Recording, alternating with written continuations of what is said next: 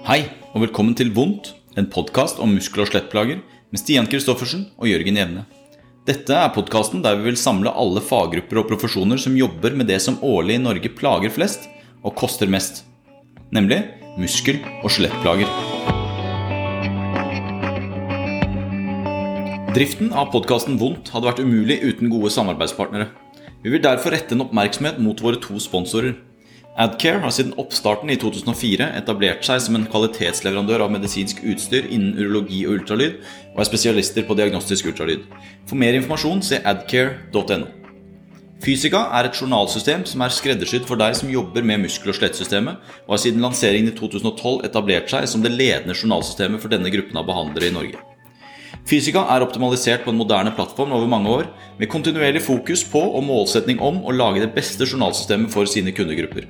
Som kunde har du også alltid fri tilgang til Fysika sin bransjeledende supporttjeneste. Hei og velkommen til en ny episode av podkasten Vondt, en podkast om muskel- og skjelettplager. Jeg er Stian Kristoffersen. Og jeg er Jørgen Jevne. I dag så har vi fått med oss en mann vi har eh, hatt nærmest øverst på blokka siden vi startet denne podkasten, eh, og endelig har han funnet tid til oss i sin eh, usedvanlig hektiske timeplan. Det er ingen ringere enn mannen, myten og legenden Kjartan Vibe Fersum. Nå skulle vi hatt en sånn applausmaskin på siden her som hadde klappet, klappet deg inn, men du skal få lov til å introdusere deg selv, Kjartan, for de som har bodd under en stein de siste 15 årene og ikke vet hvem du er. Ok. Eh, tusen takk først og fremst for, for, at jeg får lov til å være med. Og, og likeledes vil jeg si det jeg har sett frem til å prate med dere to. Uh, jeg har ikke prøvd å være travel på noen som helst måte, men uh, endelig så fikk vi i hvert fall logget i boken, så det er syns jeg er veldig hyggelig.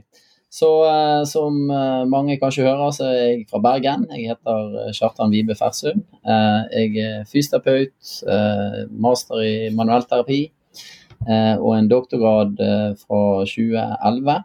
Uh, har jobbet uh, en del år, eller jobbet klinisk parallelt hele tiden at jeg uh, har forsket. Um, så i øyeblikket så sitter jeg på en måte godt plantet i to verdener. Dvs. Si at jeg jobber tre dager i uken klinisk praksis i en klinikk som heter Helse i sentrum i, i Bergen. Sammen med andre fysioterapeuter og manuellterapeuter. Uh, og så er jeg da 50% førsteamanuensis på Universitetet i Bergen. Uh, spesielt eh, lagt opp til da eh, masterstudiet i, i manuellterapi. Eh, så der har jeg vært uh, da egentlig involvert siden 2005. da gjennom ph.d.-programmet, men senere tid da som Eller etter 2011 som først postdoc, og så da som førsteamanuensis. Um, så det er vel sånn den litt sånn korte versjonen av, av, meg og hvor jeg er. Jeg er gift og har to barn på 11 og 15 år, to jenter.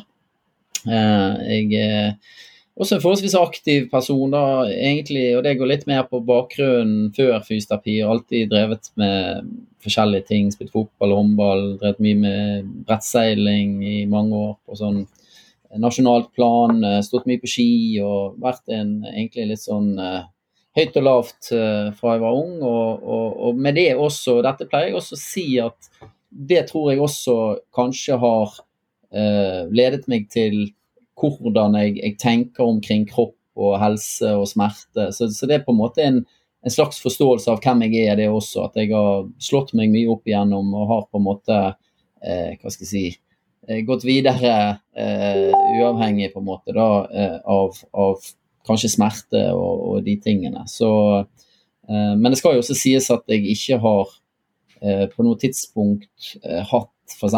en kronisk ryggplage eller langvarig ryggplage som aldri har gått vekk. på en måte. Da. Så jeg, jeg, skal jo være også ydmyk i den forståelsen overfor pasientene vi jobber med og, og sånne ting.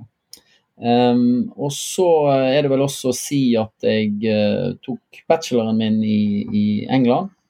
Og tidlig fant ut at manuellterapi, spesifisitet og hvordan jeg ville jobbe, det var noe jeg likte veldig tidlig. Da. Så jeg visste på en måte at jeg hadde lyst til å, å gå videre med det. Uh, og så ble manuellterapistudiet lagt ned i Norge i 98. Så i 99 så reiste jeg til Australia og, som en av de første norske og, og tok en master i manuellterapi der. Eh, og var også en av de første som kom hjem da eh, og startet denne formen for hybridmodell som vi har nå, at man tar den teoretiske utdannelsen i utlandet, og så har man da en, en um, hospiteringsperiode på et, på et, år når man kommer hjem. da. Så det har på en måte løst seg fra å først uh, omtrent ikke få lov til å uh, jobbe som manuellterapeut, uh, men siden så kom da denne modellen. Og det, det har jeg lyst til å trekke frem som et veldig bra poeng i forhold til at jeg tror det er også gitt et, et ganske bredt favn av manuellterapeuter i Norge. Både de som da har utdannelsen i, i, Bergen, og også de som har utdannelsen andre steder. Australia er et av de, og du Jørgen har jo din kiropraktorutdannelse også fra utlandet. Sant? Så det, det, er liksom noe med, med det der eh, mangfoldet og dynamikken i det mangfoldet som, som eh, jeg i hvert fall er veldig tilhenger i. Eh, selv om jeg kanskje tidlig opplevde at det var det norske som var det beste og, og, og sånne ting. Da. Men, mens i dag føler jeg på en måte at det er mye mer eh, snakkes ikke så mye om det lenger. Man, man bringer på en måte til bordet det man summen av den man er, og hvor man har vært, og hva man har lært å ta med seg. Da, i forhold til Enten det er klinisk resonnering eller forskjellige ting. da. Um, og i uh, Perth, som jeg var da, så kom jeg også da i kontakt med Peter O'Sullivan, som på en måte mange kanskje kjenner til som hovedmannen bak uh, kognitiv funksjonsrettet behandling, eller CFD.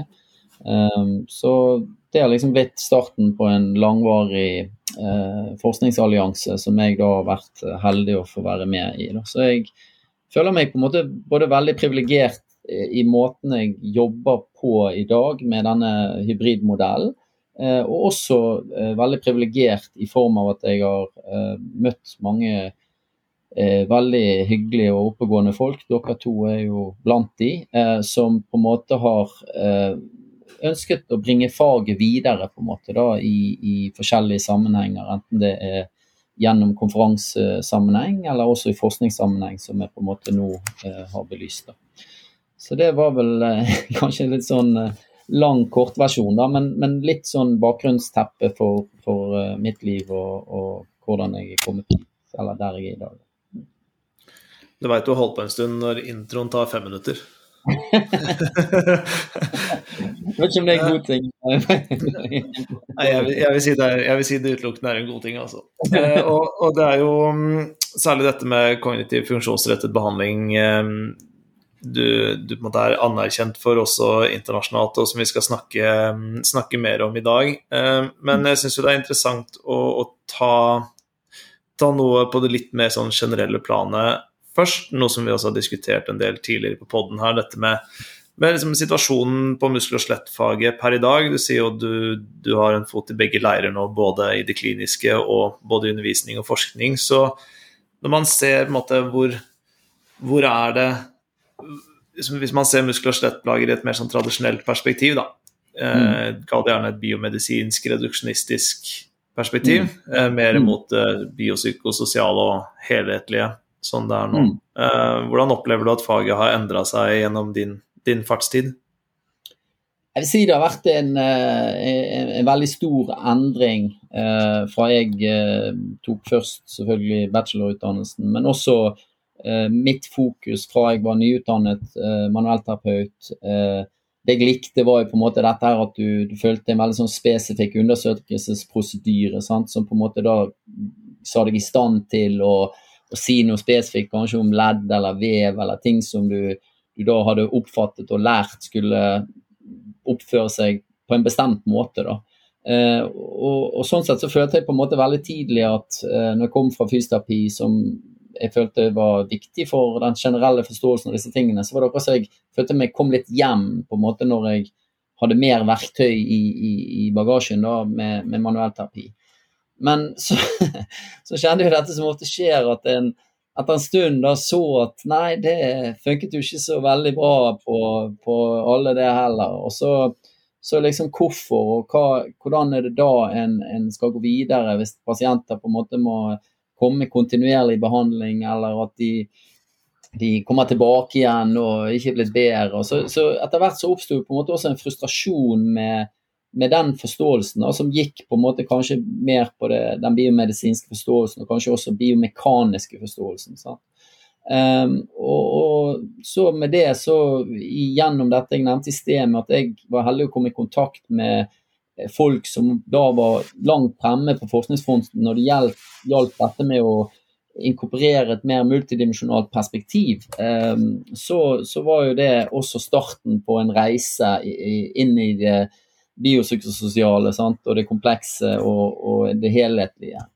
Um, men så er det også selvfølgelig med det um, Den biopsykososiale modellen den er jo også en modell som på en måte til tider eh, kritiseres for å være reduksjonistisk. fordi at du på en måte, Hvis du bruker den og deler mennesket opp i tre, så er du på en måte eh, reduksjonistisk i din søken på å være holistisk. da.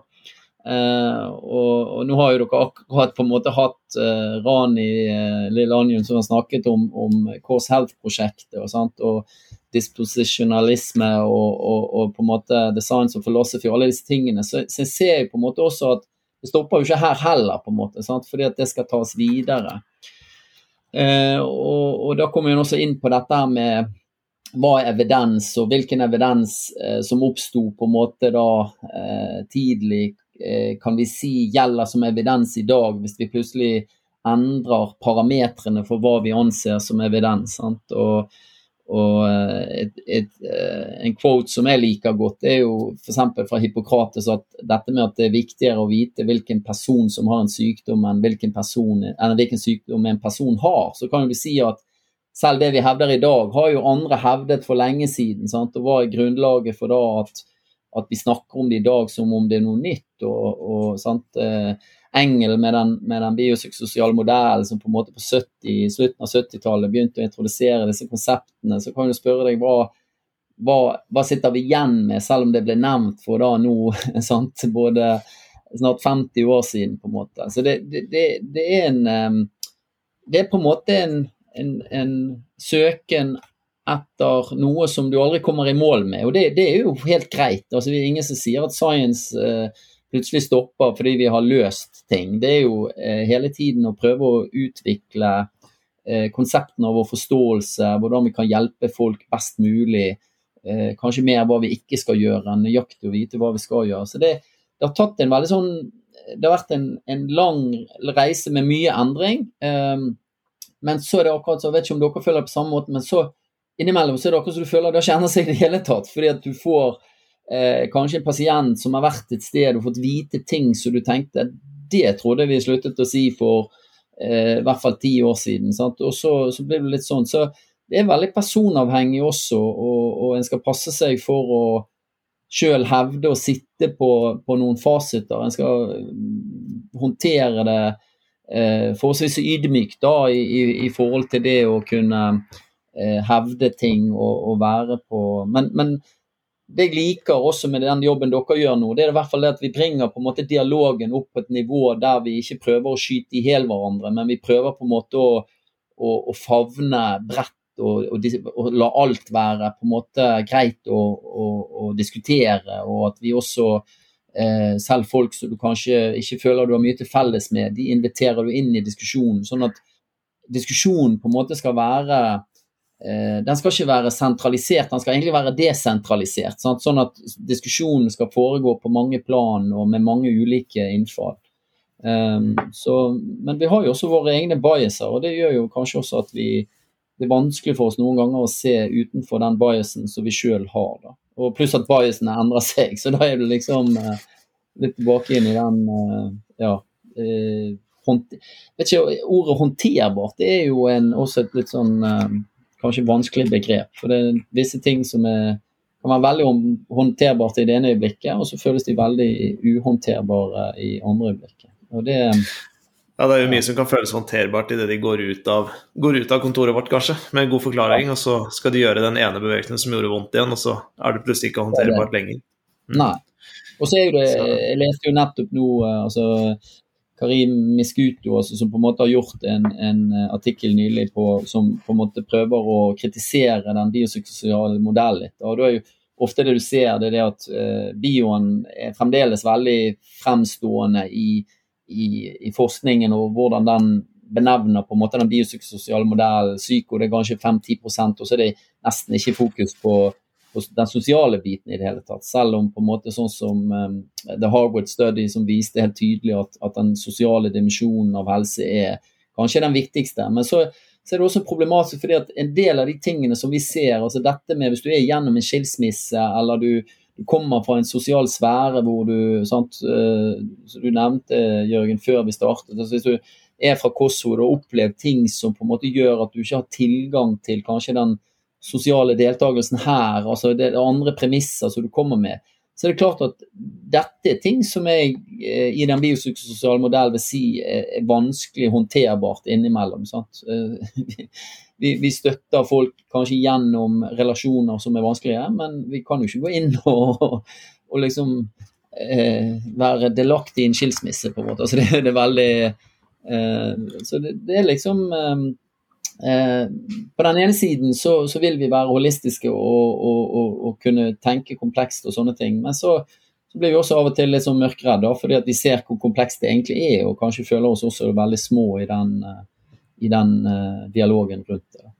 Ja, ikke minst uh, inkompetente, tror jeg kanskje meg selv og mange andre føler på. At du går inn i en, går inn i en uh, i, i, en sfære som du egentlig ikke ante at du skulle inn i. Altså, Altså noe så enkelt som jobbkonflikter eller, eller langvarige sykemeldinger, hvor du tenker at vår rolle er også å snakke med arbeidsgiver og, og, og veilede arbeidsgiver i tilrettelegging osv. Bare der opplever jeg eh, kjempekompleksitet og, mm.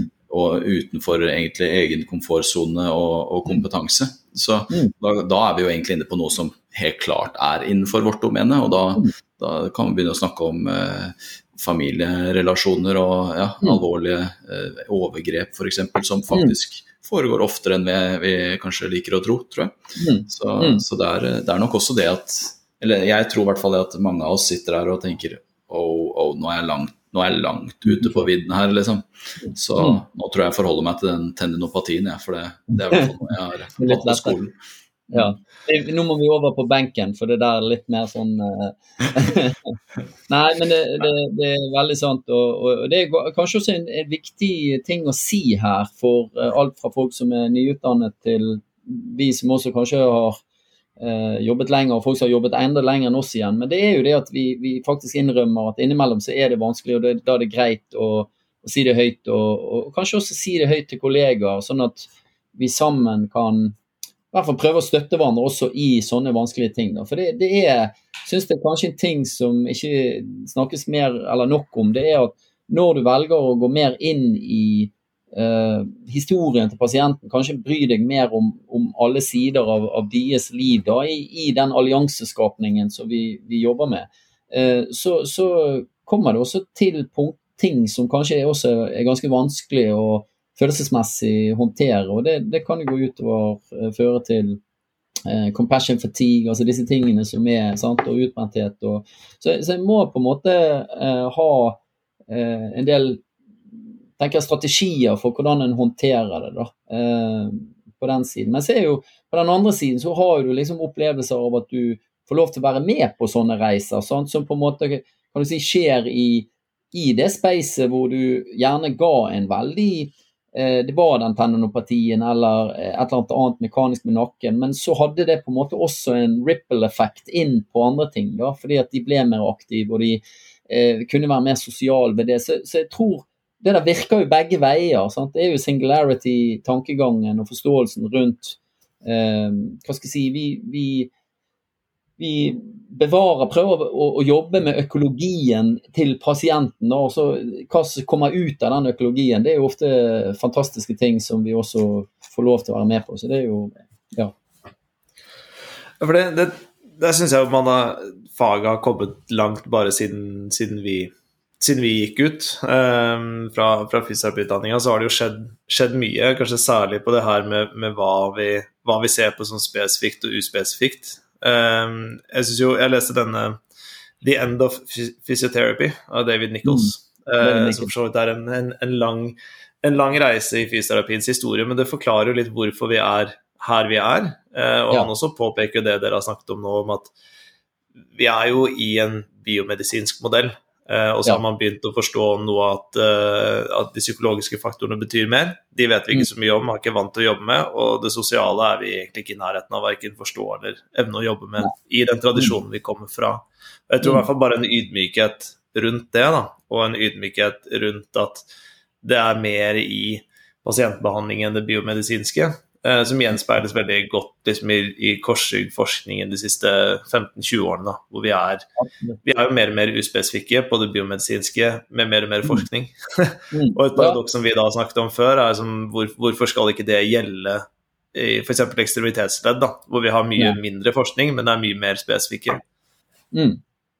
Nei, det, det er jo uh, helt enig i, og, og, og det er jo også uh, Hva skal jeg si Som du sier, det, det, det er jo også denne tankegangen om at en rygg er et eller annet, og eh, en, en arm er noe helt annet, på en måte? Som, som også favner litt i, i akkurat det der. Og at du etter hvert også ser at ja, det er jo en person og et narrativ og, og, og en historie der som er uavhengig om du har vondt i armen eller hoften eller eh, ryggen. Sant? Så det, det, det er jo liksom Det går jo mye tilbake inn på dette med hvordan klarer vi å være personsentrerte på en måte da, eh, i vår tilnærming. på en måte, sant? At, at det, det gjelder for hvordan klarer vi å være dynamiske og, og, og til tider også kreative med, med den problemstillingen vi har foran oss, sammen med pasientene.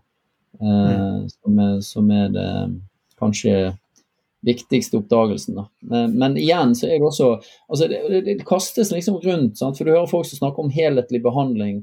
Ja, det var at du fikk eh, trening, laser, eh, nåler og manipulasjon. Det var altså Skjønner du? Altså, det er jo kanskje ikke helt eh, der vi Kanskje andre ville bruke begrepet helhetlig. Sant? Så det, det er jo også viktig derfor med disse samtaler og andre samtaler der vi også kan drodle rundt. Ja, hva mener vi? Hva mener du med helhetlig? Hva tenker du rundt det? Og jeg tror også det Det har jeg egentlig alltid sagt at jeg tror egentlig mange gode klinikere har vært mye mer kognitive enn det de har tilkjennegitt seg å være. Altså, de har vært ekstremt gode eh, kommunikatører med pasientene. De har senset mye underliggende. De har støttet de gjennom prosesser. Og behandling kan godt ha vært på eh, si, segmentelt nivå eller scenenivå eller muskelnivå, altså hva du vil kalle det. Selv om selvfølgelig vi vil jo ikke hevde at behandler du, altså gjør du en segmentell mobilisering, så gjør du mye mer enn bare det. Eh, så det, det er jo også kanskje, Den modellen er jo også endret seg i, i forhold til hele den eh, ivaretagelsen av pasienten sant? og touch som en, en så Det er jo klart at dette er veldig mye videre enn en, en bare å handle om et ledd eller en muskel eller en scene. Det, så, så jeg vil ikke heller gjøre injustice til noen å si at eh, noen driver sånn og det er dårlig. Eller, for alle som er innenfor helsefaget, vil jeg våge påstanden, har med seg den rette intensjonen om å prøve å hjelpe individet de har foran seg. Det, det ja. Det er dette som er litt sånn, jeg synes jo Det du er inne på der, er jo sånt, egentlig et herlig paradoks. Eh, fordi den debatten her, som du sier, eh, eller før vi begynte å ta opp i dag, har jo vært, blitt ganske polarisert. Og, og vi, vi er jo alle klar over nå at det er, ikke så, det er ikke så veldig lett å si at jeg har rett og du har feil. og Enten er du med meg, eller så er du mot meg. Men, men på en måte sosiale medier og debatten har jo på en måte utviklet seg veldig, veldig i, i den retningen. ikke sant? Eh, Mm. eh, og så er det et lite paradoks at kanskje, kanskje mange av de beste klinikerne har de der egenskapene, eh, og så sier de en del bullshit, men mm. som men de er, fordi de reflekterer ikke så mye over det. Jeg kan, jo, jeg kan jo sitte og drodle meg inn i sånne lange avhandlinger hvor jeg bare Du ser nærmest øynene til pasienten ruller bakover i hodet. At, du, du, altså, at man nesten gjør det for vanskelig for seg selv også, selv om intensjonen er god. Absolutt. Og det, det, det er kanskje det som eh, jeg tror er altså det, Tenk over når du sitter med pasienten, så har du dialogen du fører med pasienten. Men så kjenner jeg i hvert fall at jeg har i hvert fall to-tre andre samtaler inni hodet mitt parallelt. da, Hvor jeg liksom spør om er dette for komplekst det jeg sier nå, eller skulle gjøre det enklere, eller har fått med meg helt det de sa. Og de har jo kanskje tre-fire samtaler inni sitt hode. Sant? Skal jeg dele denne informasjonen, eller skal jeg holde igjen? Eller hva tenker hvordan han spør sånn? Hvorfor spør han sånn? Er det, vil han også plassere det i det psykiske, og det har jeg hørt før? Og, altså skjønner du, så det, det er jo veldig eh, mye som skal på en måte falle sammen der. Det, det, derfor jeg merker mer at det som du nevner der, Jørgen, det, det tror jeg handler mye om at gode klinikere var gode på allianse. Og da, da, tror jeg at du kan slippe unna med også ganske mye bullshit og, og, og ting. Altså du, det får ikke så stor konsekvens, for det er også alliansen på en måte overvinner det litt. Og, og, og utsagnet da om altså, Alliance first, educate second, det er jo det er veldig sånn eh, godt å ha som en, en, en, metafor for hva er det vi prøver å gjøre. Jo, vi må skape den gode alliansen, for det er i det spacet hvor allianse oppstår, da blir liksom muligheter eh, Da kommer det muligheter. Mens andre, hvis du sitter med en pasient som du sikkert kan tenke på, hvor du sleit med å få god allianse, så er det veldig, føles det i hvert fall i min verden veldig oppoverbakke etter det. da.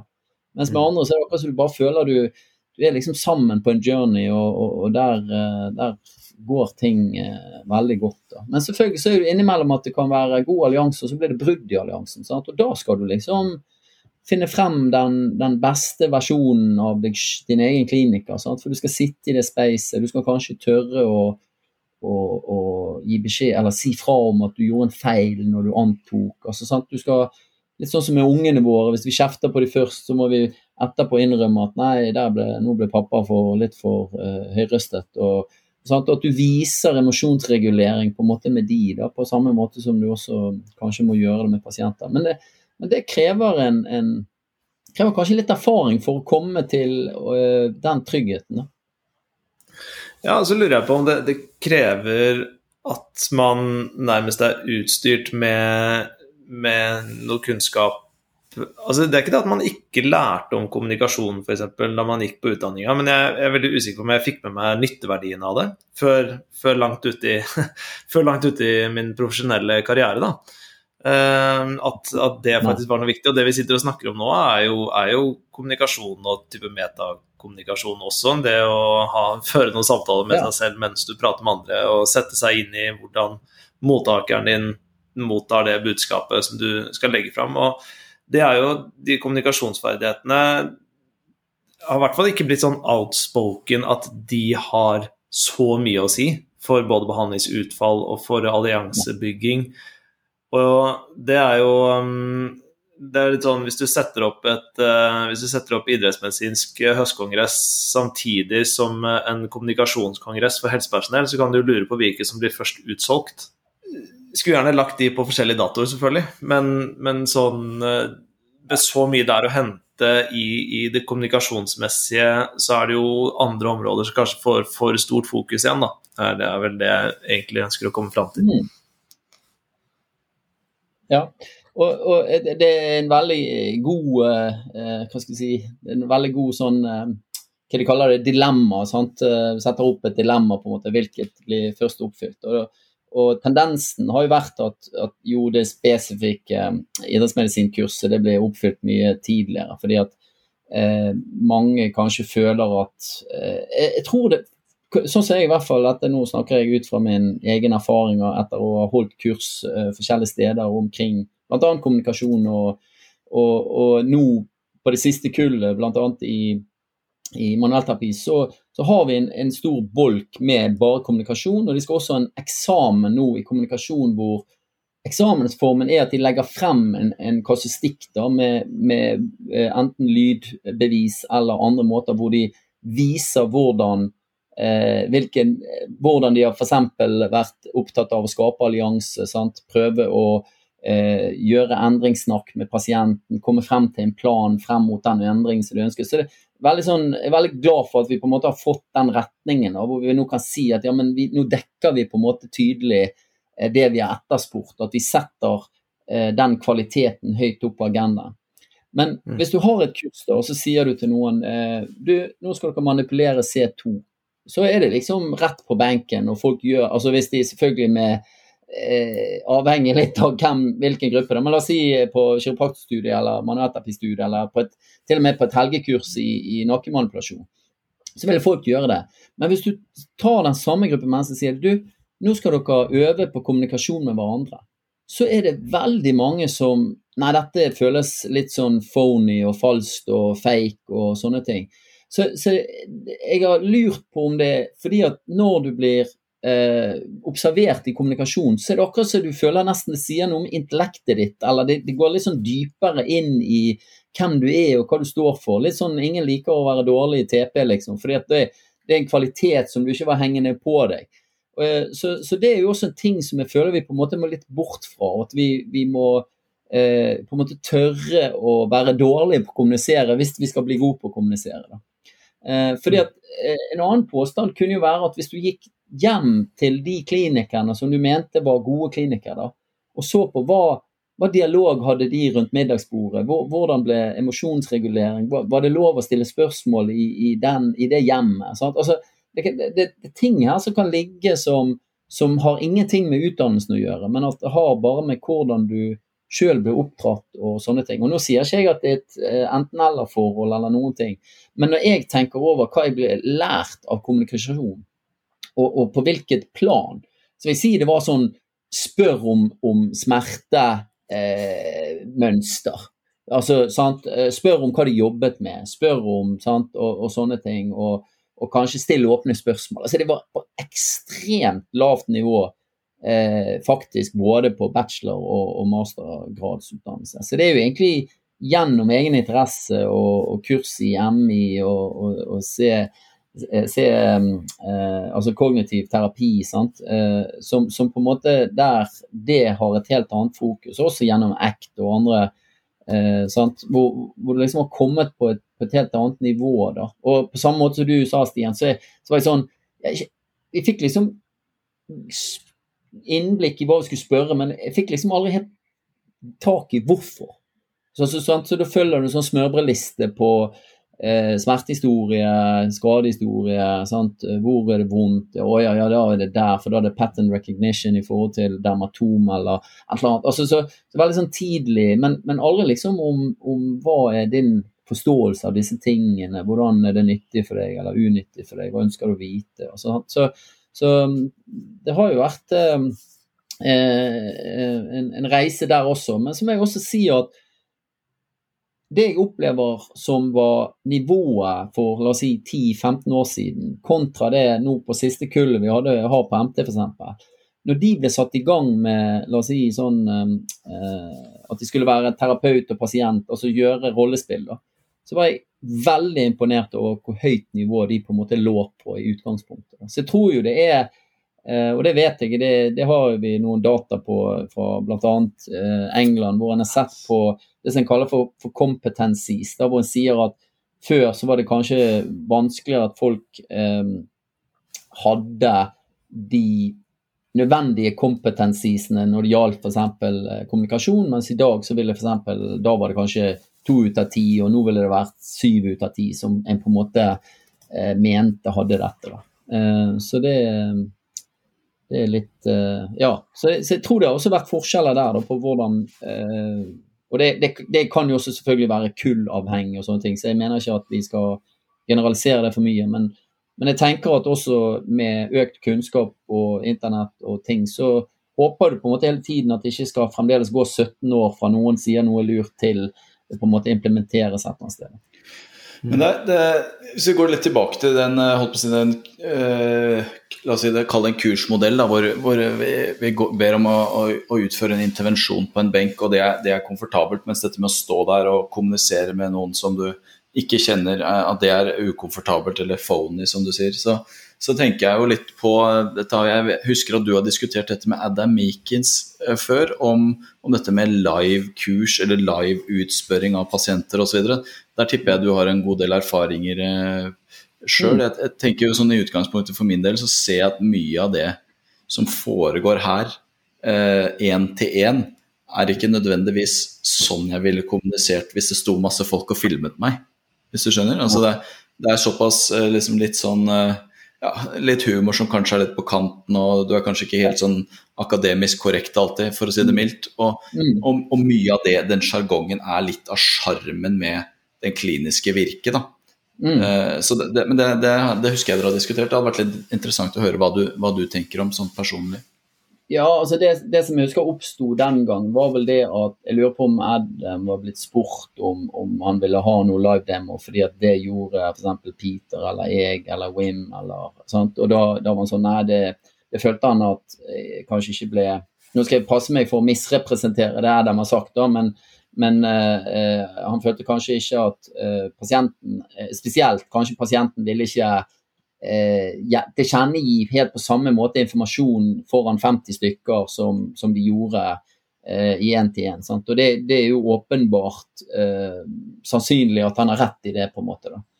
Eh, men så, du kan si motpol til det, da, det er det at hvor mye går vi etter? Altså, for det, Jeg føler det er litt av problemet også at vi, når vi får vår utdannelse, så trekker vi oss inn på et rom der inne er vi trygge omgivelser, og der inne sier vi akkurat det som passer oss. Og, altså, og ingen skal egentlig altså Det er faktisk ingen som er så veldig glad i å få en annen terapeut inn i rommet sitt heller. Fordi at du kan på en måte si ja, du kan skjule det bak at ja, men det blir ubehagelig for pasienten. Men er det egentlig pasienten det er ubehagelig for, eller er det deg? Altså, skjønner du? Så, så jeg er litt sånn eh, og, og, så har jeg, tror jeg, gjort dette så mye nå forskjellige steder på kurs at jeg er litt sånn jeg bryr meg ikke så mye om det sitter noen i rommet. altså Dere, har jo sett, dere to har jo sett meg med en live-pasient. og det, det, er klart at det kan godt hende at den performancen var ræva, men det var den performancen der og da.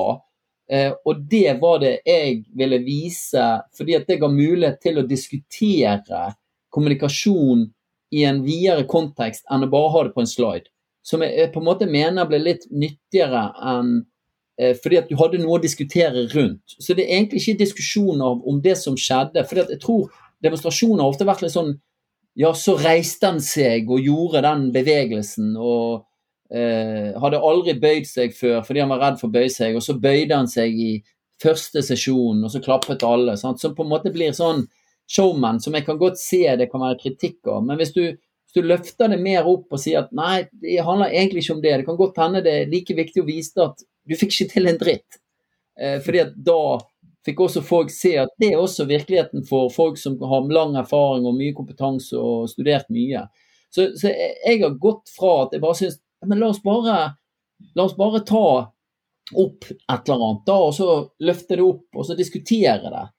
Det har vært nytteeffekten i det jeg føler har vært med, med sånne demoer. Og, og også sagt at kanskje vi For det, det, blir jo ofte sånn at du presenterer casene dine som er suksesscaser, og så hopper du over de gangene det har gått i stå. Så vi skulle hatt en konferanse med feil cases der vi tre f.eks. bare plukket ut eh, noen feil cases, og så diskuterte vi og kanskje drodlet over eh, ble jeg for komplisert i det, eller hadde jeg en, en agenda på pasientens vegne, og derfor så kom de ikke tilbake. Sant? Var ikke jeg god nok til å få frem hva, hva, det var de ønsket ut av denne alliansen. Og så skjønner du, Sånne ting tenker jeg også kunne vært eh, nyttig.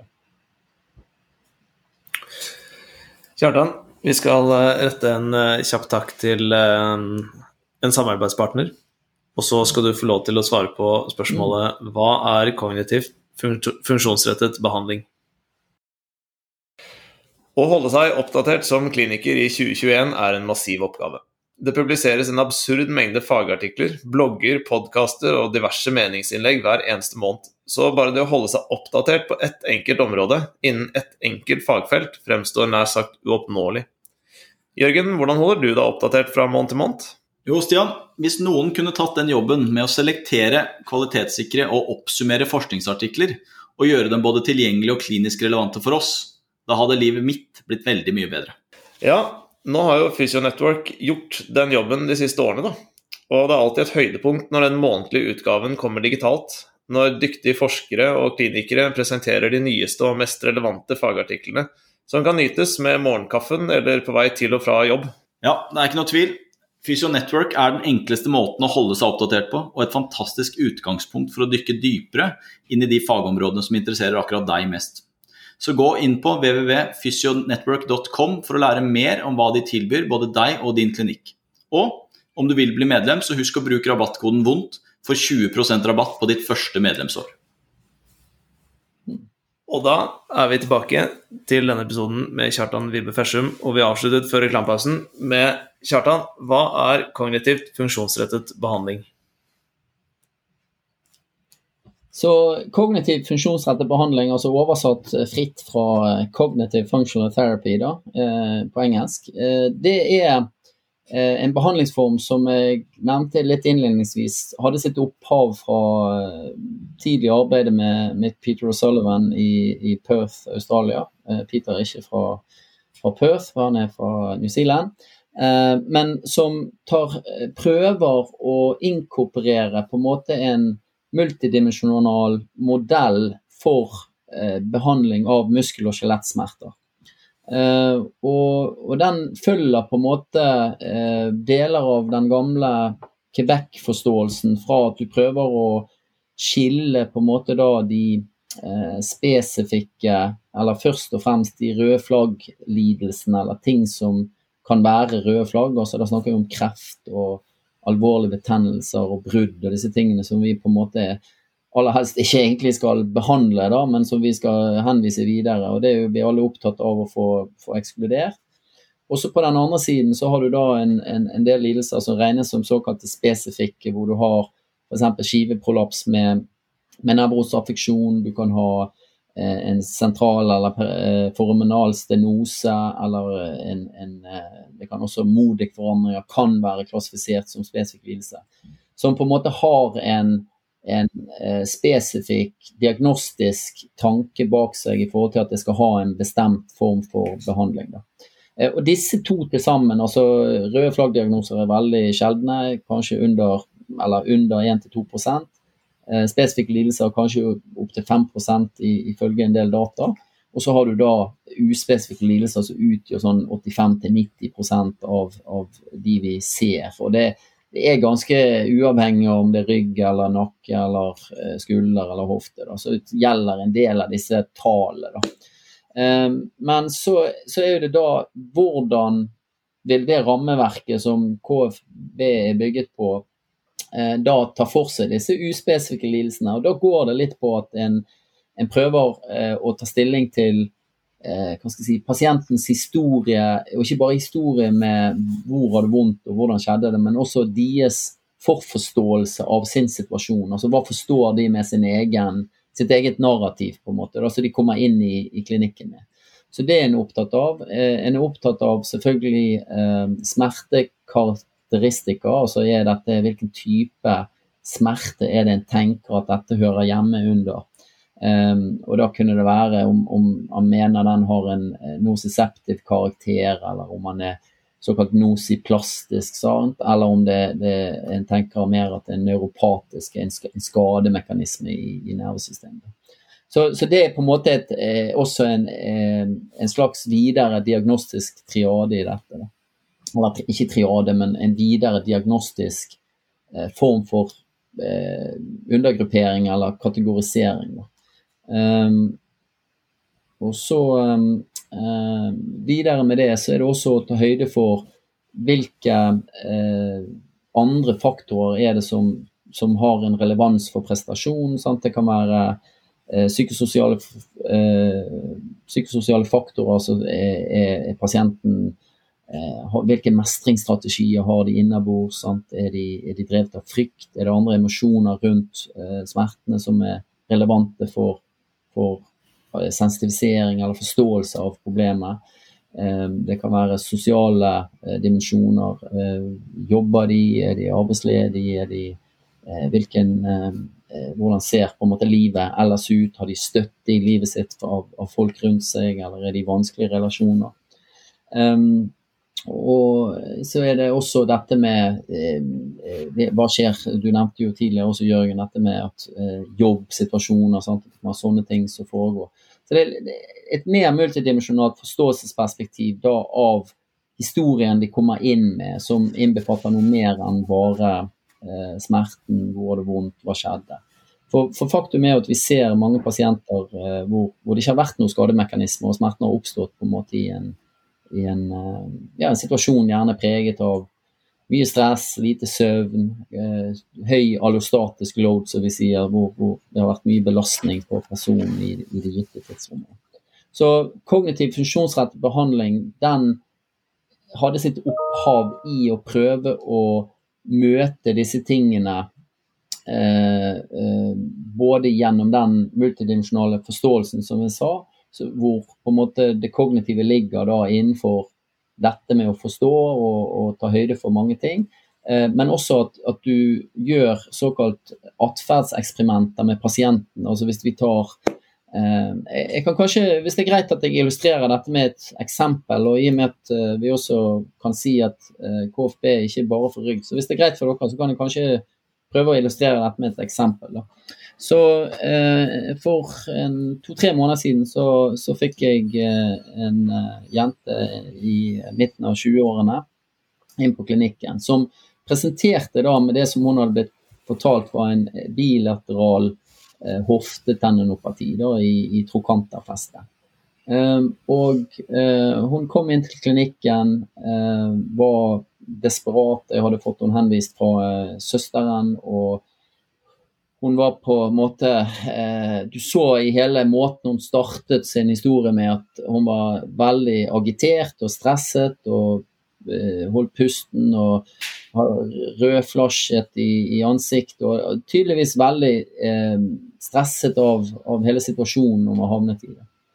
Eh, og i denne Eh, hva skal jeg si, forståelsen eller møtet med pasienten. Og så startet det på en måte med å bare la henne få lov til å fortelle hva som hadde skjedd. Og da kom det frem at eh, hun hadde, vært, eh, hadde fått disse plagene i, etter å ha vært igjennom en masteroppgave sjøl, og så hadde hun kommet hjem til foreldrene og skulle hjelpe dem med noe maling hjemme, hvor hun sto på knærne. da.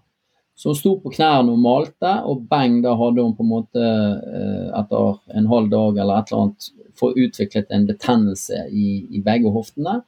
Eh, hvorpå da eh, tror hun har vært hos fem leger og kanskje fire-fem fysioterapeuter. Hun har blitt fortalt at dette er en betennelse, og smerte det skal du på en måte ikke provosere. Så da, det eneste naturlige da, det er å prøve å beskytte deg fra den smerten som du da fått. Da. Um, og dette førte jo bl.a. til at hun, når hun kom til meg, hadde lagt på sofaen i godt og vel et halvt år, hadde beveget seg minimalt. Hun gikk eh, Altså det kunne være, Jeg tror hun hadde under 500 skritt om dagen. altså Det var på en måte utviklet seg i en sånn eh, retning hvor det å bli fortalt at smerte er skade, og skade det skal du prøve å unngå, og så hadde du på en måte fått denne loopen da Eh, i, i, form av at hun altså Vår klinikk ligger i andre etasje, hun tok heisen opp, for hun ville ikke belaste eh, trokantene sine. på en måte. Da. Og Dette er jo eh, sikkert mange som hører på noen som kjenner seg igjen i noen av disse pasientene. sant? Og Nå skal det bare sies som en disclaimer, jeg hevder ikke at det er akkurat altså, at terapeuten har sagt at det er akkurat det hun skal gjøre, men det er likevel det hun har forstått ut av det eh, terapeuten sa. Eh, så hvis vi skulle da nå tilbake til hva er kognitiv funksjonsrettet behandling, så det første som på en måte ble gjort da, det var jo å, eh, å spørre OK, så det skjedde sånn og sånn. Hva skjedde i livet ditt på den tiden? Og så begynte hun å få lov til å beskrive. Da kom det frem dette med at det hadde vært et masterkjør over to år. Hun hadde eh, sovet lite, hun var eh, akkurat ferdig med masteren og skulle begynne i ny jobb, og så kom korona. Så du på en måte ser, altså Det er jo en ny hverdag for oss å faktisk innlemme korona som et spørsmål i klinikken vår. Sant? Altså Hvordan har korona påvirket deg? Um, så, uh, og det da sammen med denne betennelsen, det tok hun da inn i en spiral hvor hele hennes atferdsmønstre Jeg vet ikke om dere tenker, eller ser det for dere, men det er disse pasientene som gjerne går med veldig korte skritt. De samler beina hver gang de skal sitte seg og reise seg. og Altså de, de, ser på en måte ut som om de ikke skal belaste hoftene i det hele tatt, hvilket selvfølgelig er komplett umulig. Eh, og med alle disse si, kompensatoriske mønstrene som hun da hadde kommet inn i, så var det også blitt en del av hvordan sensitiviseringsmekanismene på en måte potensielt påvirket eh, hennes situasjon. Um, og så gjorde vi også en ting som vi ofte gjør, eller jeg også gjør i Det er det at OK, du, det skjedde i 20, 2019. Hva skjedde i 2018? Ja, Da hadde det vært en annen skade som hadde oppstått. Det, så, så, når du tok henne inn på en sånn såkalt tidsreise, da, så så du at du kunne gå bakover en fire-fem-seks år, faktisk, og det ene hadde på en måte utløst det andre frem til 2019, var, hvor det bare på en måte ble en, en, en total katastrofe for henne. Um, og, og, en del av det vi også da gjorde for eh, Hun hadde jo tatt masse røntgenbilder og vært til MR og fått ultralyd av begge hoftene. og Selvfølgelig viste jo det noe eh, eh, væskeansamling i disse områdene og sånne ting. Men det var på en måte dertil og forståelsen om at hvis jeg bruker hoftene mine enten ved å gå eller å sitte meg eller å stå, så, så forverrer jeg på en måte det problemet. For da var hun liksom blitt så buret inne i dette her fengselet at å bli verre enn det, det var jo en, selvfølgelig en stor krise. Eh, og Så er jo spørsmålet da hvordan håndterer man det. Så I begynnelsen så var det veldig mye hva skal jeg si, prøve å, å, roe ting ned, på en måte. Og Da var det veldig forsiktig. Hun fikk eh, eh bl.a. Eh, spesifikk hva skal jeg si, laserbehandling til eh, disse festene, på en måte. da. Men det var, ble ikke gitt som en standalone behandling. Men det sammen da med en slags eksponeringsmodell, da, hvor vi begynte å se på disse atferdsmønstrene, på hvordan hun eh, hun pustet, eller hvordan hun sto når hun sto, hvordan hun reiste seg, hvordan hun gikk og alle disse tingene. Som på en måte ble noe mye mer eh, enn bare en, en, Nå skal du gjøre tre ganger ti av dette, eller noe annet. Så vi, vi inkorporerte funksjonen veldig tidlig i det. Um, og så skjedde det det, og det her får dere si om dere har den opplevelsen. men når hun gikk hjem etter de to første gangene som vi på en måte brukte for å, å få inn historien, så kom hun tilbake og fortalte meg at jeg skjønner nå hva det jeg har holdt på med, ikke bare i 2019, men i 2018, 2017, 2016, 2015. Og, hadde på en måte, og, og, og vi snakket litt om hvor det kom fra. Så viste det seg at faren hennes hadde mistet sine foreldre, så de var veldig tidlig blitt anmodet om å hva skal jeg si, jobbe ved siden av skolen. Så når hun gikk på eh, videregående skole, så jobbet hun fem dager i uken ved siden av eh, videregående skole. Så, så, det ble på en måte en, en slags eh, forståelse av at ok, her ser jeg også at reisen frem til hoftene mine det handlet ikke bare om malingen hjemme hos foreldrene, men sannsynligvis så var det en, en prosess og en sensitiviseringsmekanisme som ledet henne frem til noen av disse tingene. Uten at jeg kan si at det var derfor det skjedde. Men du, det er da vi kan snakke om er det kausale sammenhenger her som gir mening i hennes historie, som gjør at vi kan. Og så ble det på en måte en modell der du kan si at innenfor kognitiv funksjonsrettet behandling så snakker vi ofte om tre hovedelementer. At det første elementet det handler om å 'making sense out of pain'. Sånn at det ble eh, en mulighet for oss å diskutere hvordan har disse tingene påvirket hennes smerteopplevelse å reise frem til den dagen. Eh, nummer to det ble da en, en, eh, det vi kaller for exposure with control. Sånn at vi prøvde å følge en eksponeringsmodell der hun ikke bare fikk beskjed om at hvis du får vondt, så stopper du, men at, at vi på en måte inkorporerte det på en måte som gjorde at det å få litt vondt det er faktisk en naturlig del av me mekanisk loading. Og de scenene som vi på en måte nå skal ha opp igjen til å ha en eh, bedre strekkmekanismetoleranse. da. Så vi prøver egentlig å gjøre senene stivere igjen, på en måte, sant? Eh, ved at de skal tåle den belastningen i forhold til tendonepati-tankegangen. Så, så, bruker vi denne modellen. Og hvordan kan vi da raskest mulig få deg inn igjen i eh, eh, eh, eh aktiviteter som er meningsfylte, som da er den tredje hovedkomponenten, altså back to valued activities and lifestyle. på en måte. Så, så det var på en måte den reisen inn i disse tingene. Og så eh, var det egentlig opp fra hennes initiativ at når hun hadde eh, evaluert da hvordan hun hadde jobbet med disse tingene, så ønsket hun å koble på en psykolog for å få bearbeidet eh, noen av disse tilbake tingene som lå lenger bak i tid. Så det var ikke noe jeg pushet henne på, men da hadde vi en fantastisk eh, mulighet til å jobbe med en, uh, en som heter Dag Wilsvik i, i Bergen, som er, har jobbet mye på smerteklinikken og på en måte bruker mye kognitive teknikker inn spesifikt mot eh, hva skal jeg si, det å ha hatt smerte lenge og vært i denne langvarige eh, smertekategori-pasientsituasjonen. Som ble utro, et utrolig bra sånn ripple effect. Altså Han jobbet med visse ting, og så jobbet, kunne vi jobbe med, med de funksjonsrettede, eh, gradert baserte tingene. Så det ble en sånn det, det er da du bare kjenner Jeg vet ikke om dere har den opplevelsen, men når du liksom får til sånne gode multi...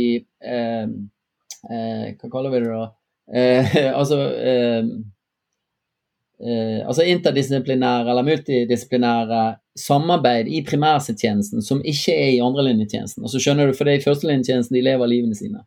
Så du får til dette gjennom nettverkene dine, og at det er gode dialogmeldinger mellom deg som primærkontakt og fastlegen, og kanskje inn også mot legen. Sant? Og du ser at det du sier, det blir også sagt der, men en, da med kanskje den ekspertisen som den personen har. Så ser du utrolig effekter ut av dette. Da.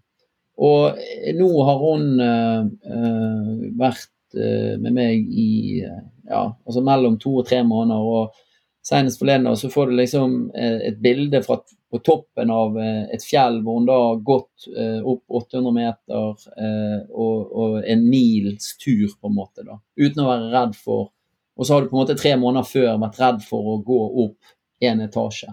Så det, det er jo ganske sånn, og igjen nå som vi kanskje kan si det, at nå presenterer vi suksesshistorien, og dette er jo en, en åpenbar suksesshistorie. Men poenget mitt er det at eh, kognitiv funksjonssentret behandling i dette øyeblikket prøver å forstå personen først med en del av de tingene som her var gjeldende for henne. Eh, og så bygger vi det inn i en handlingsplanmodell som eh, retter seg mot funksjon, aktivitet og verdibaserte meningsfulle aktiviteter. Um, så jeg håper det kanskje var en, en, grei måte å illustrere dette eksempelet på for hofte. Og Det kunne vært det samme for om det var rygg eller nakke eller skuldre. Så, så det var litt av tankegangen. Ikke nødvendigvis ta en, en ryggpasient bare. For det er mange som tror at, at det bare gjelder for, for rygg. Og så vil noen kanskje si ja, men det er jo denne måten jeg jobber på. Ja, flott, for det er personsentrert. Du bruker personen du har foran deg du evaluerer på en måte mekanismen du tror er involvert, du bruker det inn i forklaring, gir en planrettet, eh, strategisk eh, eh, si, eksponeringsmodell på det. da, Tilbake igjen til det de har lyst til å gjøre. nettopp dette her jeg tenker er, er, er verdien i en podkast. Altså nå, nå skulle du fortelle hva KFB var, og her sitter vi 20 minutter senere. ikke sant? For det er jo nettopp det at man får muligheten til å fortelle nyansene. Eh, som f.eks. Eh, den lille spilen din med, med, laseren der, som er en mikroskopisk del av hele det narrativet du har lagt fram, men ja. som raskt ville blitt plukket i fillebiter på Facebook i en post ja. som er 20 eh, linjer, ikke sant. Mm. Eh, men jeg syns spesielt det du sier på slutten her, dette med dette med den, holdt på å si, den ringen dere slår rundt pasienten i primærhelsetjenesten. Det er jo noe Caneiro også hadde i denne mm. call to action-editorialen eh, i BJSM. ikke sant? Dette med å mm. Når du skal involvere andre klinikere eh, i, i, i, i, pasientens forløp, så er det så viktig at det er et strømlinjeforma samarbeid. Eh, og mm. det opplever jeg jo som kanskje en av de største utfordringene med disse pasientene, i hvert fall her lokalt hvor jeg jobber, at eh, på tross av det jeg mener er gode henvisninger og dialogmeldinger, og sånt, så er vi såpass eh, travle eh, at vi ikke nødvendigvis har, tar oss tid, kanskje, til å sette oss ned og prate om hvordan vi skal møte nettopp denne personen. Og så sitter vi jo da fortsatt i hvert vårt eh, rom med, med vår egen bakgrunn og vår egen kompetanse og, og måte å møte pasienten på, så, og så blir det, glipper det litt langs veien der, da. Mm. Jeg er helt enig. og, og, og du har jo også tidligere gjennom en del samtaler vi har hatt, uttrykt en del frustrasjon over dette. fordi at du eh, legger mye ære i og sender gode dialogmeldinger og sånn. Og så, så kan du f.eks. møtes med at noen har en forforståelse av hva er det en kiropraktor gjør, eller hva er det en manuellterapeut gjør, eller hva er det eh, ja, Hvis vi tar deg, Stian. Sant, eh, hvis du gjør en ultralyd, så er du liksom ultralyd-Stian. Altså skjønner du, Det blir bare sånn helt idiotisk. fordi at eh, Hvordan du velger å bruke eh, personnarrativ, og hvordan du kan inkorporere på en måte ultralyd eh, som et verktøy i den samme modellen som jeg nå har beskrevet. Kanskje nettopp for å eh, hit home enda hardere. da, at ja, men ok, det er La oss si hun hadde unilateral smerte, da, og så viste du at det var også ekkofunn på f.eks. På, på den ikke-smertefulle hoften. Sant? Og at du kan bruke disse tingene i en veldig personsentrert, mekanistisk forståelse som bygger opp under det narrativet og den reisen du tar pasienten med på. Så, så, det, er, det er veldig lett for at det blir sånn enten-eller. Men, men, jeg tror eh, poenget ditt er også, Jørgen, med at eh, klarer vi å, å, være enda mer økologiske fornuftige da, i, i kommunikasjonen blant oss i primærhelsetjenesten, så vil det hindre eh, eller hjelpe sannsynligvis på eh, mengden av andrelinjetjenestehenvisninger. Sant? At vi, vi, på en måte kan favne omkring disse tingene. Være eh, altså, Vi sier på en måte at du er multidisiplinær i uni eh, terapeuter. Altså, fordi at selv om du ikke er spes, eh, spesialist på, på, psykodynamisk terapi eller andre ting, så kan du med en slags forståelse vite når er det nok psykodynamisk eh, problem eller patologi, da, hvis du vil kalle det det, til at dette skal viderehenvises. Eh, og, det, og det mener jeg noe Du trenger ikke å være psykolog for å forstå psykologiske mekanismer.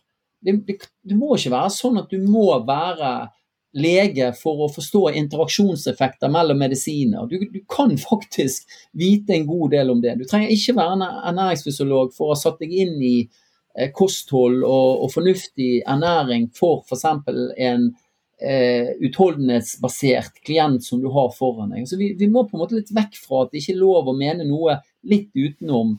Men selvfølgelig skal du også være ydmyk for at dersom du krever en tettere oppfølging på høyere kompetansenivå enn det du har, så må du innhente folk i teamet ditt. Men da blir det jo noe helt annet. Da heier du folk inn i teamet. Og hvilken pasient vil ikke like å få flere heiaspillere, på en måte, så lenge den dialogen som du sier, Jørgen, forblir god og respektfull og alle de tingene. Sant? Og det, det, er jo også det at Ok, Kanskje noen er uenig i det du gjør, men de har jo heller ikke fasiten. Så vi er jo, det er jo ingen som sitter med fasiten. Så vi kan jo egentlig bare legge vekk de sverdene og, og sablene der med en gang. Jeg vet fra, fra eh, sånn eh, konflikthåndtering i la oss si i Midtøsten og andre ting, eller ikke i Midtøsten, men det var en som tok frem et eksempel at i, i, i disse her eh, primitive stammene, da, for eksempel, så var det, hvis det var konflikt i stammen, så første noen gjorde, det var å samle inn alle våpnene og ta de langt ut i skogen, sånn at de ikke hadde tilgang til dem. Og så mm. nummer to, det var at du ble tvunget til å sitte rundt et bål da, til det var blitt enighet. Og etter hvert så var du så lei av å sitte rundt et bål at du gikk kanskje på kompromiss, da, og du svelgte noen kameler og sånne ting. Men jeg syns det er en veldig interessant eh, hva skal jeg si, metafor for, for, noe som vi også kunne benytte oss av. Så Få vekk våpenet, da. Når du kommuniserer med noen, vær ydmyk og, og, og imøtekommende og, og, på en måte Eh, respektfull, på en måte uavhengig av hvem du snakker med, så blir dette eh, mye bedre allianser. Og det, det er profitt for, eh, for, pasienten hver eneste gang, i, i mine øyne. Um, dette her syns jeg det, det er, Vi ender nesten alltid podkastene med på den samme måten at nå, nå, er vi ferdig med første uka av de, de to måneder lange praten vi skal ha. For det, vi, vi kommer, aldri, kommer, aldri, helt rundt. Det er mange ting jeg i hvert fall uh, kunne tenkt meg å ha tatt opp. Uh, erfaringsmessig så er det rundt en time podkaster eh, en sånn, eh, en sånn god, god, intro. Du har jo eh, fått tatt det eksempelet du hadde så det med, med KFD, eller KFB, som er, eh, mm. tror jeg på en måte egentlig var et veldig godt rammeverk å bygge videre på. Eh, mm. Til neste episode så tror jeg vi skal konkretisere hvordan vi skal vurdere patoanatomiske faktorer og psykososiale faktorer. Eh, mm. så gå enda dypere inn i materien, kanskje med, med, med, en, med en, pasientkasus da også. Eh, mm. Så håper du eh, er med oss videre på reisen. Absolutt. Det er en glede. Eh, kjempefine disse pratene her, som jeg sier. At det at man faktisk får tatt seg tid til å sette seg ned og diskutere, diskutere det, akkurat som vi hadde gjort over en, over en øl i baren, det, jeg er, det tror jeg veldig mange av lytterne også setter pris på. At det er rett og slett i de i de settingene hvor vi kommer gjennom, eh, gjennom, ting på en rolig og beherska måte, og vi faktisk får muligheten til å, å, å forklare oss utdypende i hva, vi, hva, det er vi sitter og tenker på. Og der er jo du en, mm. en mester. Takk for det. kjente meg igjen i den beskrivelsen. Uh, har kanskje mye på hjertet, da, men Nei da, men, uh, men vi, vi vender, vender, snarlig tilbake med en ny episode med Kjartan. Så i mellomtiden får dere diske opp noen gode spørsmål som dere fyrer løs til oss, så skal vi stille de i beste sendetid. tusen takk. Takk for denne gang.